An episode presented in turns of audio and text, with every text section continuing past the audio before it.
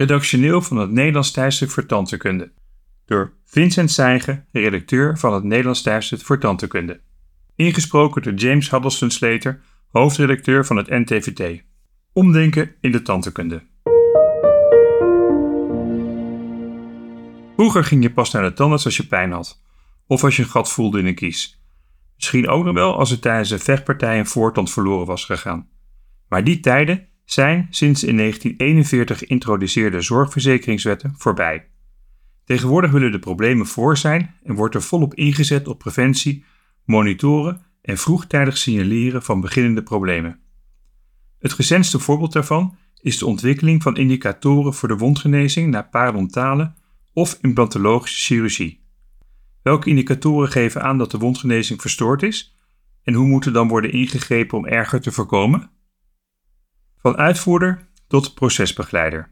De tand voor tandheelkunde heeft de afgelopen decennia plaatsgemaakt voor preventieve mondheelkunde waarbij de focus steeds meer is komen te liggen op het voorkomen van pathologie, op het tijdig ingrijpen bij dreigende problemen en waarbij de mond en uiteindelijk de mens in zijn geheel wordt beschouwd en benaderd.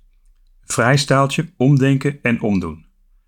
Bertolt Gunster is de grondlegger van de ja-maar-filosofie, waarbij het omdenken onderdeel is. Een typerende anekdote is die over de scholier die verdrietig bij de meester komt met een doormidden gebroken potlood. De meester slijpt er vervolgens twee nieuwe puntjes aan en zegt opgewekt: Alsjeblieft, nu heb je twee mooie potloden. Van de moderne tandarts wordt nu verwacht dat die als een ware homo universalis door tegelijkertijd pedagoog, bioloog, diëtist, psycholoog, arts en tandarts te zijn, streeft naar een dens sanus in corpore sano voor zijn patiënten.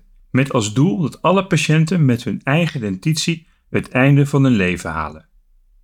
Niet langer is het alleen maar meer extraheren bij pijn en grote caviteiten. Nu kunnen we met wortelkanaalbehandelingen, tandvleesbehandelingen, orthodontie, implantologie, motivational interviewing en smile design de meeste tanden en kiezen behouden. Wat een verrijking van het vak.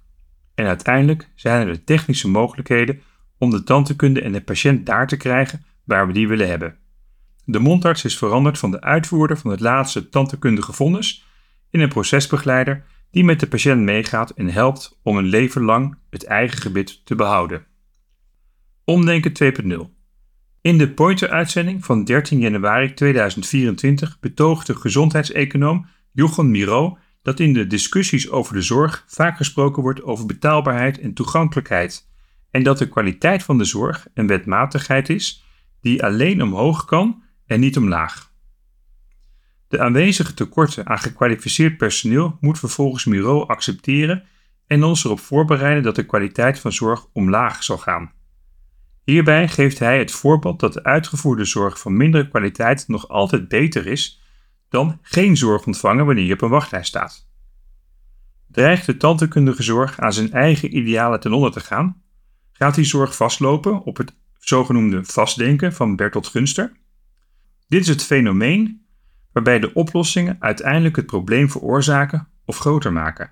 Zou het kunnen dat het inzet op preventie en monitoring de oplossingen zoveel capaciteit vraagt dat de toegankelijkheid van de tandheelkundige zorg in het geding komt? Het nieuwe probleem? Tegenwoordig kom je dus wat vaker bij de mondarts en steeds vaker gaan we daar mensen zien waar de maakbaarheid van het leven aan dichtelen is gevallen. Zo blijkt uit de verkenning kanker in Nederland tot 2032 dat het aantal kankerdiagnoses, ook in de mondholte, het aantal overledenen en het aantal mensen dat kanker overleeft toe zal nemen en daarmee de druk op de zorg toeneemt. Om ook deze mensen zorg te kunnen blijven bieden bij een afnemende capaciteit, is het tijd voor omdenken 2.0.